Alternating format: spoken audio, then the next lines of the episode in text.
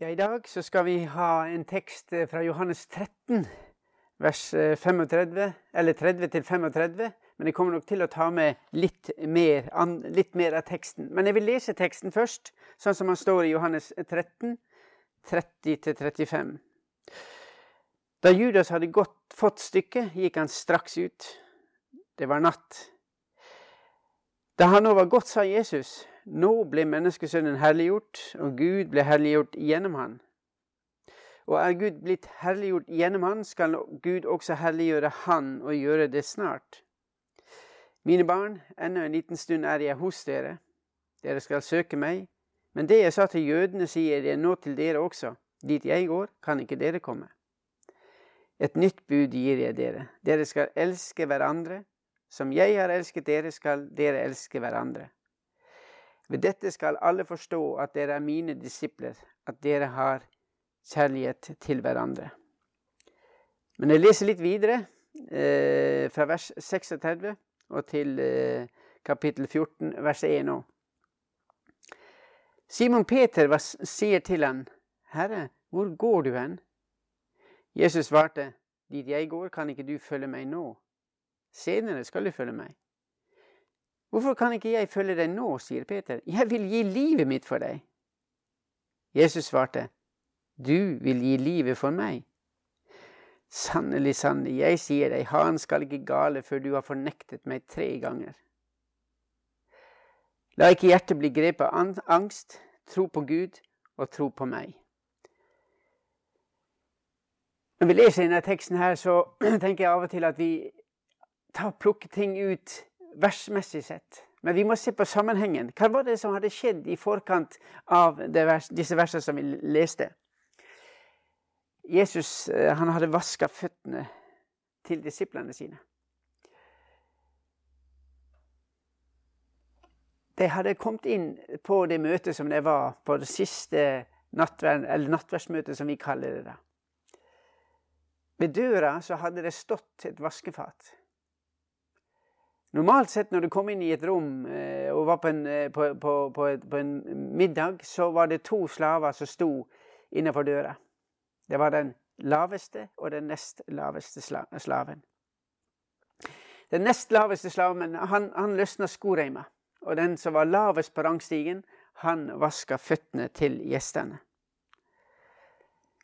Det er jo litt eh, spesielt å, å, å, å, høre og lære om dette, hvem det var som vaska. fordi at Døperen Johannes han sa det at 'jeg er ikke verdig til å løse skoreima hans'. Han tok ikke nederste posisjon, døperen Johannes.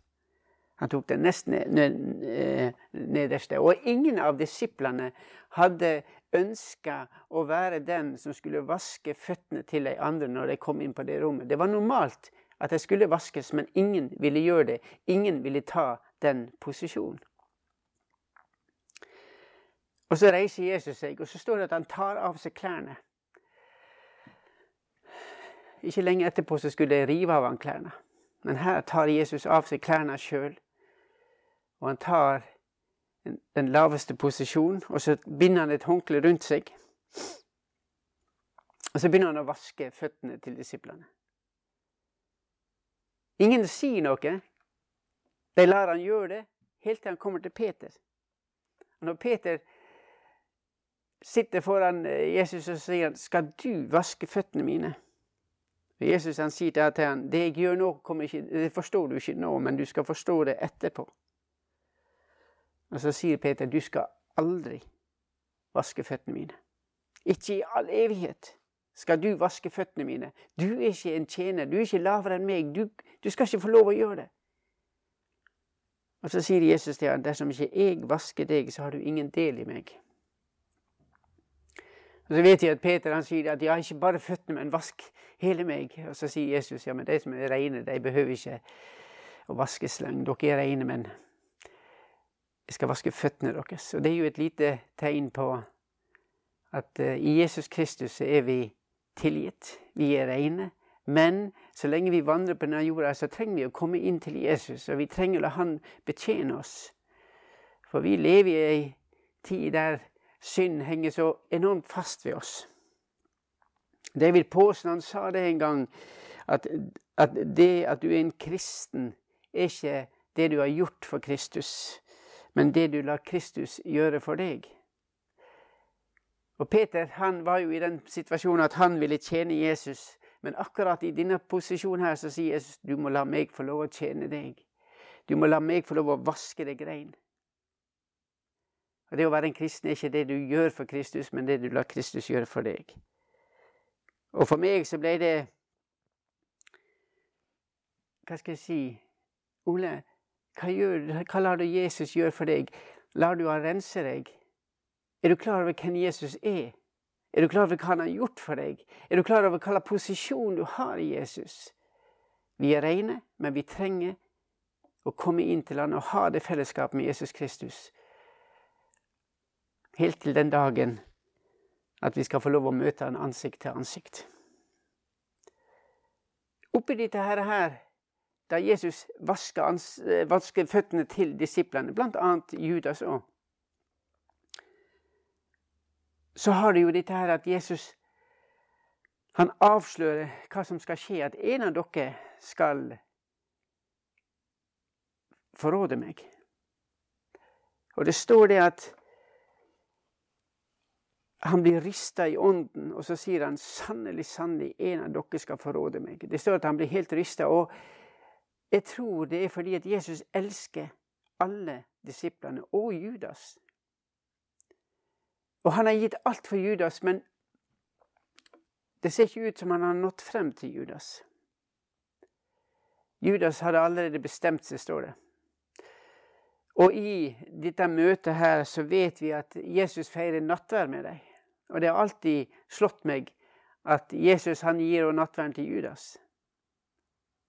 En skulle tro det at Jesus ville vente med nattverden til han var gått, men Jesus deler ut nattverden til Judas, og etterpå så går Judas.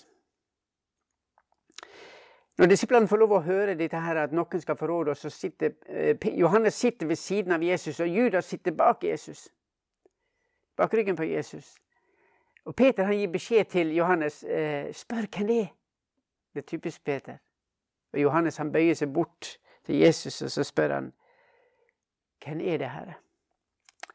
Og så sier Jesus det er han jeg gir et stykke brød når jeg har dyppa det.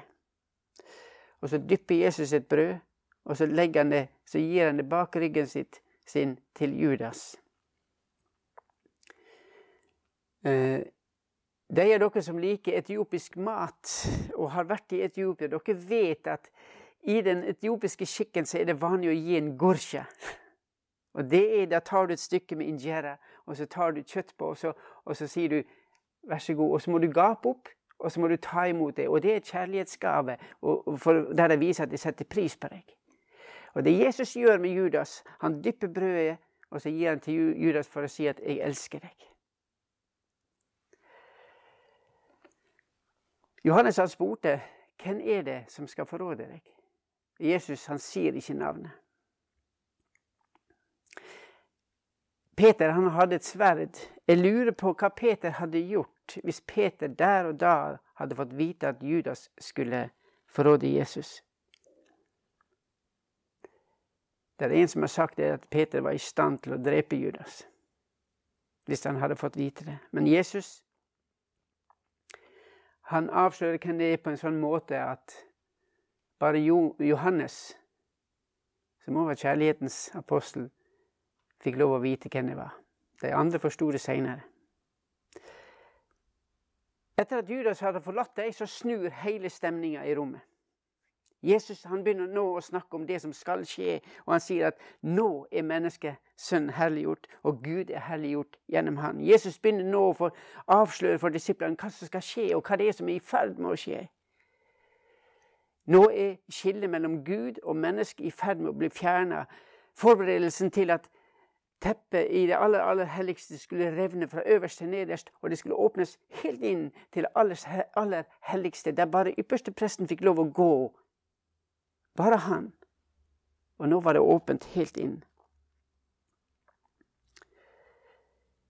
Og når han da avslører dette, så sier han òg at dit jeg går, kan ikke dere komme. Men før han går dit, så han, gir han deg et nytt bud, står det i vår eh, bibel. Men det står Jeg sier at e, egentlig er det et påbud. På engelsk så sier det A new command I give to you. Og så sier han et nytt bud gir dere. At dere skal elske hverandre. Slik som jeg elsker dere, skal dere elske hverandre. Han pålegger deg å elske hverandre. Og jeg tror disiplene var så forskjellige eh, at det, det var for yttergrense. Jeg tror ikke alle sammen hadde helt lett for å elske og akseptere den andre.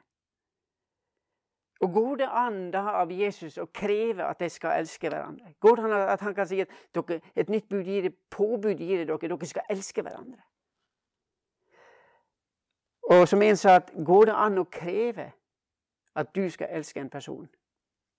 Og Da var det en, en, en prest som sa det at ja, i ekteskapsliturgien som vi har i, i Den norske kirke, så, så, sier vi vil du elske og ære han eller hun, ond, og trofast bli hos han i gode og onde dager inntil døden skiller dere. Da krever presten et svar. I Norge så, så, så sier vi ja. Og jeg husker for min egen del, når jeg skulle gifte meg, så sa jeg ja, er Guds nåde. Fordi at vi trenger hjelp til det. Fordi at Jesus han sier dere er pålagt å elske hverandre. I England så svarer de under ekteskapsinngåelse 'Yes, I will'. De sier 'Ja, det vil jeg'. Og eh, Jesus sier at dere skal elske hverandre slik som jeg har elsket dere. Jeg er deres herre og mester, men jeg har tatt den laveste plassen. Jeg har vaska deres føtter. Og Jesus han visste at det han hadde foran seg, disse disiplene, disse elleve som var igjen, at det var ei samling av forskjellige karakterer. Og uten hans påvirkning så ville de aldri holde sammen eller elske hverandre. Se hvordan han takler Peter. Peter han sier til ham, 'Du kan ikke følge meg nå, men seinere skal du følge meg.' Jesus han så potensialet i Peter og disiplene, men enda, det var ikke der enda. Men hvordan i all verden skulle de klare å holde det påbudet? Og jeg tror det som er begynnelsen på kapittel 14, der Jesus sier 'La ikke deres hjerte forferdes'. Tro på Gud og tro på meg. Uten at de holder seg nær til Jesus Kristus, uten Den hellige ånd, så hadde de ikke hatt en sjanse. Men Gud, Jesus sier 'tro på meg', tro på Gud. Han kan hjelpe dere. Tro på mitt ord. Johannes 15, så sier Jesus, som far har elska meg, har jeg elska dere. Bli i min kjærlighet. Og så sier han, hvis dere blir i mine bud, blir dere i min kjærlighet, slik som jeg har holdt min fars bud og blitt i hans kjærlighet. Og Så sier han igjen i kapittel 15, og dette er mitt bud, dere skal elske hverandre slik som jeg har elska dere. Og så avslutter han nå i vers 17.: Elsk hverandre. Og dette her skal òg være et vitnesbyrd for verden rundt. Og se at hvor de elsker hverandre. Men som jeg sa, hvordan skal de klare dette? Hvordan skal vi klare å elske hverandre? Bare se, i vår forsamling Vi er mange forskjellige karakterer. Det kan være vanskelig å akseptere den, den eller den. Men Jesus har sagt at vi skal elske hverandre. Ja, Men hvordan? Hvordan skal jeg da klare det? Hvordan skal jeg klare å elske? Det her, vi, her Jesus sier jeg skal sende dere sannheten sånn. Han skal veilede dere. Han skal hjelpe dere, vise dere sannheten. Og Den hellige ånd har Jesus sendt til oss for at vi skal få lov å få hjelp. Og det står det at i Efeserne 6 så snakker vi om Åndens sverd, som er Guds ord. Hvis vi vil at Den hellige ånd skal jobbe i vårt liv, så må vi jo lese Guds ord. Det er det redskapet han bruker for å arbeide i vårt liv. Og det å elske brødre som tror på Jesus Kristus, kan være vanskelig. Corrie ten Boom, som taler i Berlin, hun sier det, forteller historier da hun er i Berlin og taler etter krigen, så kommer det en mann frem til henne og så sier han Kjenner du meg igjen? Jeg er en av fangevokterne i Ravnsbrück. Og hun kjenner han igjen. Han var en av de verste fangevokterne. Så sier han det at 'jeg er kommet til tro på Jesus Kristus'. 'Jeg har fått tilgivelse av Jesus Kristus'. 'Han har tilgitt meg, en tilgitt synder'. Kan du nå gi meg handa og tilgi meg? Og Corrie ten Boom står der, og hun, hennes vitnesbyrd er at 'jeg var rasende'. Hun sa at 'jeg klarer ikke å elske han Gud'. Jeg hater han. Men i samme øyeblikk sier Corrie ten Boom, så oppdager jeg at jeg var på feil side. For hvis ikke du klarer å tilgi dine fiender de som, Hvis ikke du klarer å tilgi noen, så tilgir ikke Gud deg. Det står om det i Matteus 6, i Fader vår. Forlat oss vår skyld, slik som vi òg forlater våre syndere. Han vil tilgi oss på samme måte som vi tilgir. Og ten Boom sa at plutselig oppdaget jeg at jeg var på feil side.